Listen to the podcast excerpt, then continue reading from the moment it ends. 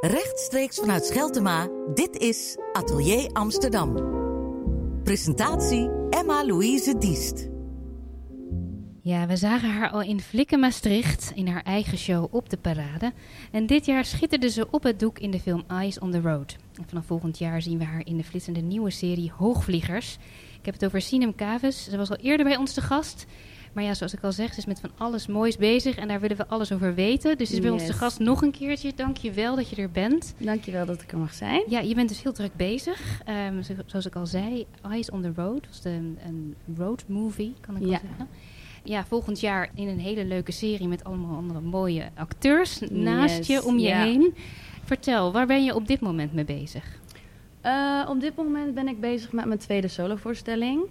Eh daar was ik eigenlijk al mee bezig na mijn eerste voorstelling vorig jaar. Nadat ik jou had gesproken. Eigenlijk wilde ik gelijk doorpakken, maar dat ging niet used to be a Uh, I Snow used to be Snow White, but I drifted. Ja. Ja. Precies. En ehm, nou ja, toen kwam dus Hoogvliegers op mijn pad. Toen heb ik dat gedaan vanaf februari tot augustus ongeveer. En nu ben ik dus bezig met mijn tweede voorstelling. Dus eigenlijk vanaf dat de serie klaar was, ben ik eh, weer verder gaan schrijven aan mijn tweede solovoorstelling. En ehm, ja, nu zijn we eigenlijk begonnen met repeteren. En eh, ja, bezig om het allemaal op te zetten. En heel spannend allemaal. ja, want je hebt het zelf geschreven en Ja. je gaat het zelf spelen. Ja, klopt. En als we het hebben over jouw eerste show, dat ging, eh, stond de vrouw centraal. Ja. En een vrij feministisch stuk. Het gaat echt over de kracht van de vrouw. Mhm. En daar wilde je hard voor maken. Ja. Ehm, ga je dat nu weer doen? Nou, ik ga nu wat dieper in op ehm, de zin van het leven. Dus ik ga wel even, wat, wat even de diepte in. Ehm, ik Je dacht, ik neem nog een groter thema. Ja, precies. Ik dacht dat thema was, was al groot, maar ik ga nu even groter aanpakken. Ehm, ik ga het in mijn tweede solo hebben over existentiële angst. Dus ehm, ja, vooral de persoonlijke ervaring die ik ermee eh, heb gehad en alles wat daarmee hand in hand is gegaan. En omdat ik nu op een punt zit dat ik eh, in de fase zit dat ik, dat ik de acceptatie begin te krijgen, kon ik ineens veel helderder eh, zien hoe die fases eigenlijk waren. Dus het begin, nou ja, de, de gedachten erover en die angst. Ehm, ik, kon het, ik, kon het veel, eh, ik kan het nu veel beter ehm, overzien, zeg maar. En daardoor kon ik ook beter het op papier zetten. Je hebt het over hele grote onderwerpen. Ja, Eh, existentiële angst. We Ja. hebben ook gewoon angst, de dagelijkse Mhm. angst in het leven. Maar je, je neemt hem echt helemaal de, de, de onderliggende angst voor het leven, Ja. bijna. ja, Ehm, heb je die echt gevoeld vroeger al, als kleinkind? ja. Nou, het is eigenlijk begonnen zes jaar geleden... toen ik eigenlijk voor het eerst te maken kreeg met de dood. Dat iemand dichtbij is overleden. Ook plotseling. En dat ik toen ineens soort van... uit een soort naïeve bubbel werd geprikt. En heel erg bewust werd van de eindigheid van alles. En ook dat ik ging twijfelen over geloof. En dat ik dacht van, oh ja, het is inderdaad... Ja, we- we gaan allemaal dus... Natuurlijk, je hebt wel die gedachten. Je weet wel van, oké, de dood is er. Maar als het in één keer zo voor je neus staat, dan is het toch anders. En vanaf toen begon het. En het, ja, het was, werd eigenlijk een, een negatieve spiraal. Dus ik maakte mezelf ook eigenlijk heel, ja, een soort van gek. Omdat ik sprak er ook niet over met andere mensen. Omdat ik dacht van, oh, ik ben, eh, dit is mijn, mijn, eh, mijn angst. En ja, doordat ik er niet met andere mensen over sprak, dacht ik dat het aan mij lag. Ik vond het ook eng om met mensen erover te hebben, omdat ik dacht van ja, ze gaan me raar vinden. Ik had ook echt een periode dat ik een soort van, ja, dat is heel gek, maar dat ik, dat ik alsof ik een beetje buiten het leven stond. Dus alsof ik alles aan het aanschouwen was. En ehm, ja, dat vond, ik dan ongemakkelijk om met mensen erover te hebben. Dus ik heb het heel lang voor mezelf eh, gehouden. En eh, pas op het moment dat ik, dat, ik, dat ik het opengooide naar mensen... en dat heeft ook echt, nou, ik denk twee of drie jaar geduurd... Ehm, toen pas, toen die mensen ook zeiden van... ja, maar dat is, dat is hartstikke normaal. En dat heb ik ook gehad. Toen pas dacht ik van, oh, wacht even, ik, ik, ik ben niet gek. Ik, eh, ja, dit is, dit is dus menselijk. Maar toen je daar middenin zat, had je, dat, had je het in de gaten dat dit aan de hand was? Want het, je, beschrijft het echt van ik heb, bracht het niet naar buiten, maar soms kan je ergens middenin zitten en niet doorhebben dat je het niet vertelt. Ja, dat is het denk ik ook, ja. Want eh, als ik er naar terugkijk, dan krijg ik ineens heel helder binnen, nu pas, dat ik zie van, oh ja, ik ben echt door allemaal fases heen gegaan. En op dat moment had ik het inderdaad ook niet door. Of dat ik dacht van, oh, ik ga dit nu met iemand bespreken. Het was gewoon zo van, nee, ik doe het, ik was gewoon natuurlijk dat ik dat niet deed. Maar je bent toch wel Ehm, doorgegaan met spelen. Het heeft je niet belemmerd Nee. om op het podium te klimmen en allerlei projecten aan te gaan. Nee, klopt. Nee, het is ook. Het was ook met, met, met golf hoor. Natuurlijk, toen mijn oma net overleed, toen was het echt heel heftig. Maar ja, op een gegeven moment, tijd heelt. Dus dan, dan kan je toch, ja, je moet op een gegeven moment ehm, toch weer meedraaien. En dat gaat dan ook wel natuurlijk. Maar omdat ik nu dan heel erg focus op die existentiële angst, dan zie ik wel zo een, hoe het dan is gegaan. En het is heel grappig, want in december is mijn opa overleden. En het is heel gek, want ik heb hem ook echt zijn laatste adem zien uitblazen. En ik dacht van, ik was eigenlijk heel bang dat ik dacht van, oh, ik, ik ga dit beeld nooit meer uit mijn hoofd kunnen krijgen. Maar zijn dood was eigenlijk ook een soort van alsof de cirkel rond was en een soort van de acceptatie van dat dit het leven is en dat het eindig is. Heb je dan En- het gevoel dat je het begrijpt? Eh, ja, maar het ernaar handelen is nog, soms nog wel moeilijk. Want ik heb nog steeds wel gedachten dat ik denk van... oh, eh, ja, we, we gaan allemaal een keertje. Zo van alsof het de hele tijd op de loer ligt. Maar het is wel geswitcht naar... oh ja, dus ik wil dan ook mijn momenten allemaal goed benutten... en ik wil iets moois achterlaten. En voorheen was het heel erg de angst van ja, maar waarom zou ik dit nu doen? Want ik ga toch dood. Zeg maar zo. Dus het is eigenlijk van negatief naar positief gekanteld. En dat is, ja, dat is, daar ben ik wel, eh, wel blij mee dat dat uiteindelijk is gebeurd. Maar het was heel bijzonder. Of, ik had het nooit verwacht dat dat dus met de dood van mijn opa, dat dat dan zo, zo rond zou worden, zeg maar. Of dat, het, dat die acceptatie daarmee eh, zou komen. Ja, want eh, de angst die jij noemt, die gaat over uiterste. Ja, Dus echt dood en leven. ja, ja. Je kunt het soms ook in veel kleinere mate tegenkomen natuurlijk in je leven. Mhm. Ehm, hoe ga je dit vertalen naar het toneel? Ja, ik, eh, want het is sowieso best wel een zwaar thema. Dus ik vind het ook heel spannend om het, om het tot leven te brengen, de tekst die ik heb geschreven. Omdat ehm, er gingen heel veel dingen hand in hand mee. Dus ehm, ik, heb, ik heb de tekst nu zo opgesteld dat ik werk vanuit de fases van verwerking. Dus eh, dat je begint met het ontkennen ervan. Dus eigenlijk wegvluchten van dat gevoel en je gevoelens verdoven en proberen er niet aan te denken, waardoor je eigenlijk juist harder die klap gaat krijgen uiteindelijk. Ehm, dus daar, zo ben ik eigenlijk begonnen om de tekst te schrijven. Dus eerst vanuit fase 1 eh, boosheid eh, of ehm, eh, ontkenning en verdoving. En fase 2 boosheid. Fase 3 verdriet. En dan fase 4 overgave. En dan fase 5 acceptatie en hoop. Dus, je maakt eigenlijk het ja. hele proces behapbaar door het, even in, door het in fases te Ja, delen. ja. ja, en dat wordt, dat wordt ook wel de grootste uitdaging om het behapbaar te maken. Maar ik denk, ik ga, hoe ik het nu voor me zie en wat voor vorm ik het ga gieten, want het wordt een muziektheatervoorstelling weer.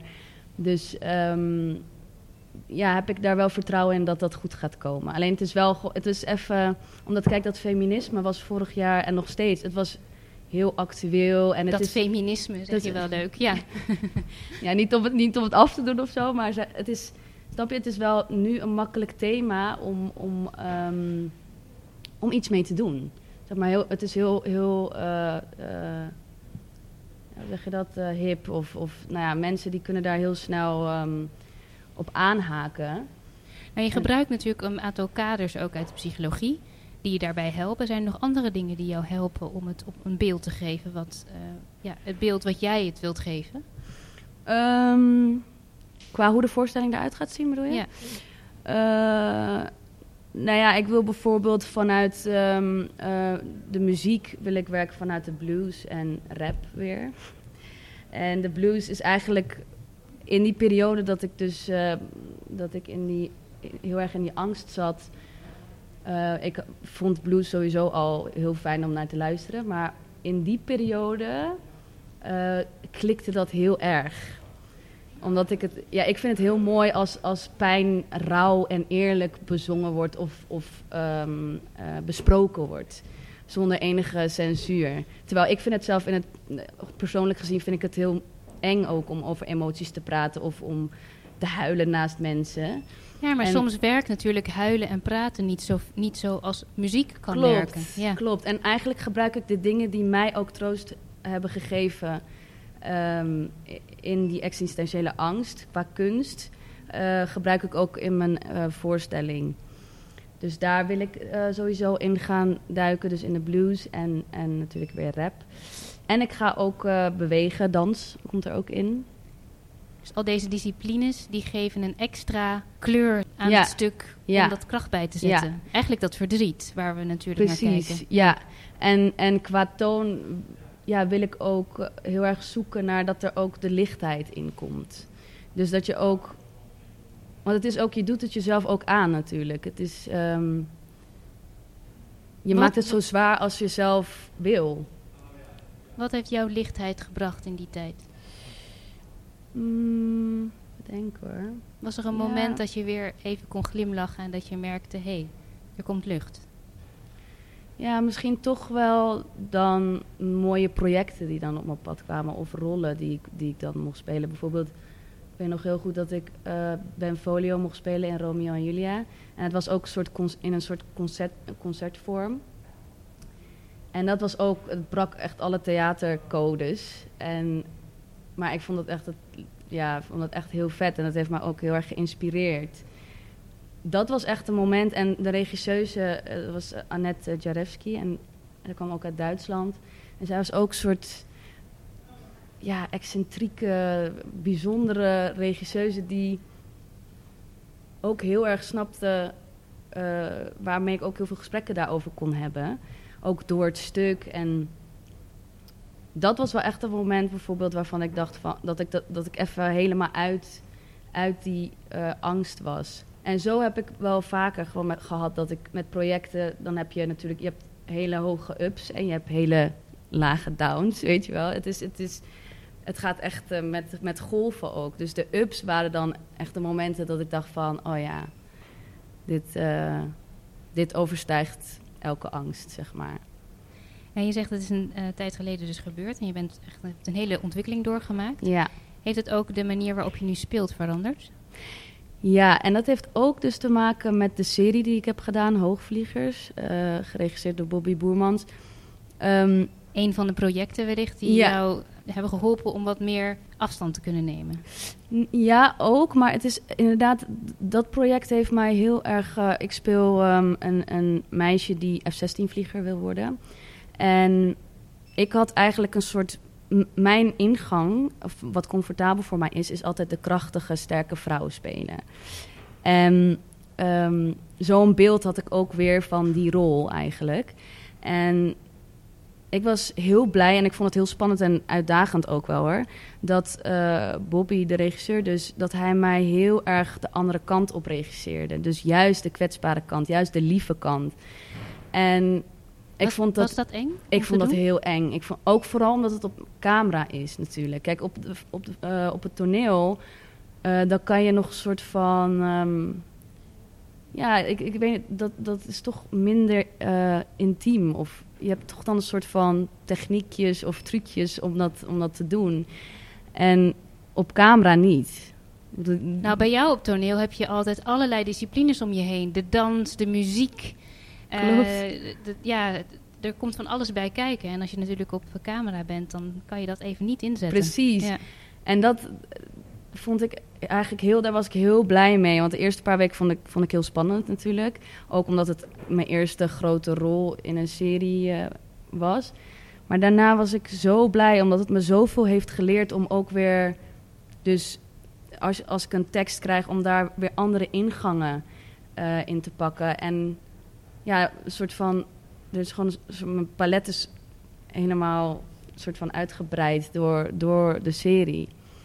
Geeft dit je ook Ehm, wat gerustgesteld? Want je wil altijd graag een sterke vrouw neerzetten. Ja, Je hebt me ook ooit verteld, het is bijna een soort verantwoordelijkheid. Ik wil dat laten zien. Ik ben een krachtige vrouw en die moet gehoord worden. klopt. Maar dat kon dus ook op een andere manier. Ja, inderdaad. En daar ben ik dus nu ook achter gekomen van een krachtige, sterke vrouw is niet eh, onkwetsbaar. Het is juist sterk als je ook je kwetsbaarheid durft te laten zien. En dat wist ik- je misschien wel al, maar dat heb je nu echt gevoeld. Ja, ja. En ook gedurfd. Want ik durfde dat eerst niet om te laten zien. Omdat ik het zelf ook als zwakheid zag. Terwijl nu... ehm, ja, nu kijk ik daar heel anders naar. Ik heb ook het gevoel, als ik dan terugkijk naar die solo-voorstelling... Ik ben hartstikke trots op die voorstelling, hoor. Maar wel omdat ik ehm, nu ook weer anders ben gaan denken... dat het nu ook weer een hele andere soort voorstelling zou worden. Ja, dat ga je nu maken, denk ja, ik. ja. Dus die ja. sterke vrouw komt wel degelijk het podium op, maar in een hele andere hoedanigheid. Ja. ja. ja. Ja, de serie gaan we natuurlijk nog zien. Die Ja. is nog niet eh, op televisie geweest. Klopt. Maar hij is wel al helemaal af.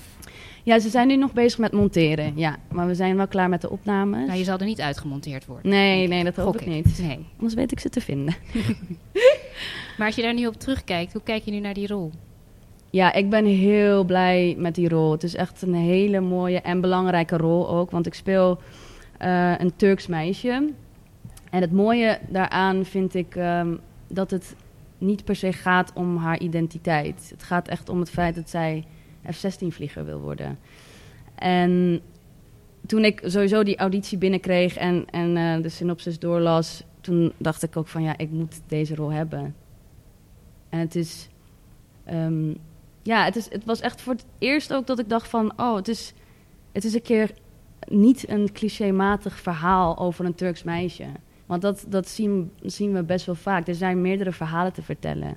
Snap je? Het gaat niet alleen maar over eh, onderdrukking en eerwraak en weet ik veel wat allemaal. Er zijn ook genoeg andere verhalen om te vertellen over Turkse meisjes, Marokkaanse meisjes, wat dan ook. Je hoeft je niet te voegen naar een bepaalde rol die zij, voor, eh, die zij al voor ogen hebben voor je. Nee, je het was ook echt, echt wel- zelf ja, ja, dat ja. gaan neerzetten. Ja, daarin herken ik ook wel, want in de serie is, is, is zij ook heel ambitieus en eh leergierig en gedreven. En haar doel is echt F-16 vliegen worden, no matter what. En die ehm, gedrevenheid, die herkende ik wel heel erg. Ehm, dus het was, ja, ik had echt wel een paar, nou, heel veel dingen wat, wat overeenkwam met mezelf. En dat ik door die rol dus ook een soort kwetsbare kant van mezelf persoonlijk heb mogen. Dat, ik, dat vind ik sowieso het mooiste aan deze rol. Dat ik me persoonlijk ook moest optrekken aan de rol. Snap je? Dus dat ik, eh, afgezien van, ik moest ook trainen voor de rol. Nou, nu, normaal moest je me naar de sportschool sleuren, weet je wel. Maar nu is het gewoon onderdeel geworden van, eh, nou ja, mijn dagelijkse leven. Maar ook mentaal gezien, dat het, dat het echt, eh, ja, het heeft me heel veel gegeven en heel veel geleerd, die rol. Is het al belangrijk dat je dan nu weer begint met een solovoorstelling? Om eigenlijk weer... We, we maken de balans op, eigenlijk. We gaan zien wat al die projecten met Ja. je gedaan hebben. Ja. ja, ik denk het wel inderdaad. Want het, ik heb altijd met elk project wel, wel dat het me iets geeft of niet geeft. En dat ik weet van, oh ja, oké, nou ja, dit was het dus niet. En dan weet ik in ieder geval wat, nu wat ik niet wil. Ehm, en dit, ehm, ja, dit, dit, dit heeft echt wel heel veel gegeven, persoonlijk gezien en ook, ook op eh, carrièregebied. En ehm, dat zijn ook wel, nu merk ik twee dingen, dat dat ook heel concreet is. Dat ik echt door wil met dat makerschap en ook echt met film. Want ik ben wel echt verliefd geworden nu op Het, film. ja, het, het heeft elkaar nodig, lijkt Ja, wel. ja, ja, klopt. Ja. Inderdaad, ja, zo heb ik helemaal niet eens naar gekeken. Maar ja, En hoe kijk je nu naar de toekomst? Want je hebt zoveel, zoveel bezig met het opbouwen van jezelf. ja. Niet alleen als actrice, maar ook persoonlijk. Mhm. Ehm, hoe kijk je nu naar de, de jaren, of de, de- laten we het even wat kleiner houden, de maanden die er komen? Hoe, hoe zie je dat? Of ben je heel erg bezig met wat je nu doet? Ehm, nee, ik ben ook echt wel bezig met de toekomst. Eh, nou, ik wil sowieso dat makerschap uitbouwen en ook echt door met film. En daarin hoop ik ook eh, internationaal, internationale projecten te gaan doen. Dus ik ben nu eigenlijk bezig met ehm, Engelse les. En me daar een beetje op aan het voorbereiden en kijken of dat ook een pad voor mij gaat worden. Want dat, dat is eigenlijk wel iets wat ik. Dat is heel grappig ook, want we hebben een maand in Amerika gedraaid. En eigenlijk vanaf het begin dat ik actrice wilde worden, was mijn droom van oké, ik wil in Amerika actrice worden. Maar op een gegeven moment ga je naar de toneelschool en dan ga je wat realistischer denken. En dan denk je van, nou, laat ik maar eerst even Nederland uh, uh, doen en dan uh, komt dat later wel. Dus toen is dat een beetje zo weggevaagd. En nu, ook omdat ineens zo twee vliegen in één klap gebeurde. Dus me, en filmen in Amerika, of nou ja, filmen en in Amerika ook nog. Dus dat het een soort van bij elkaar kwam. Toen dacht ik van ja. Misschien is het wel al later. Ja, precies. Ja, en, en misschien moet ik dit gewoon. Het voelde weer alsof een soort van rondje is, of alsof de cirkel rond was van. Ja, misschien moet je het gewoon maar gaan proberen. En je hoeft niet per se in Amerika te gaan wonen. Maar in ieder geval, als er een kans zich voordoet, dan dat je er klaar voor bent. Weet je wel, dat je gewoon kan aanbieden van... oké, dit ben ik als actrice en... Uh, dus dat zijn wel soort de plannen die ik voor de toekomst heb. En verder, ja, natuurlijk... Ja, ik hoop dat in 2020... Want nu ben ik vooral dan aan het focussen op die voorstelling. Die speelt um, 28 en 29 januari in de Melkweg. Dus daar ben ik me nu op aan het focussen. Maar in 2020 hoop ik dat, dat dat ik heel veel filmprojecten mag ja, gaan dus doen. alles wat je doet is eigenlijk een aanloop naar iets wat je nog niet weet wat gaat komen. Ja, ja. ja nou, een hele, hele bijzondere en uh, ja, verrassende ontdekkingsreis die je aan het maken bent. Zeker, ja. En wij kunnen allemaal meegenieten. We kunnen naar je kijken ja. en uh, genieten van al het moois wat je maakt. En zien wat daar gaat uh, komen en wie daar op het podium verschijnt elke keer. Ja. Spannend. Ja, heel spannend. Dankjewel voor dit gesprek. Graag gedaan.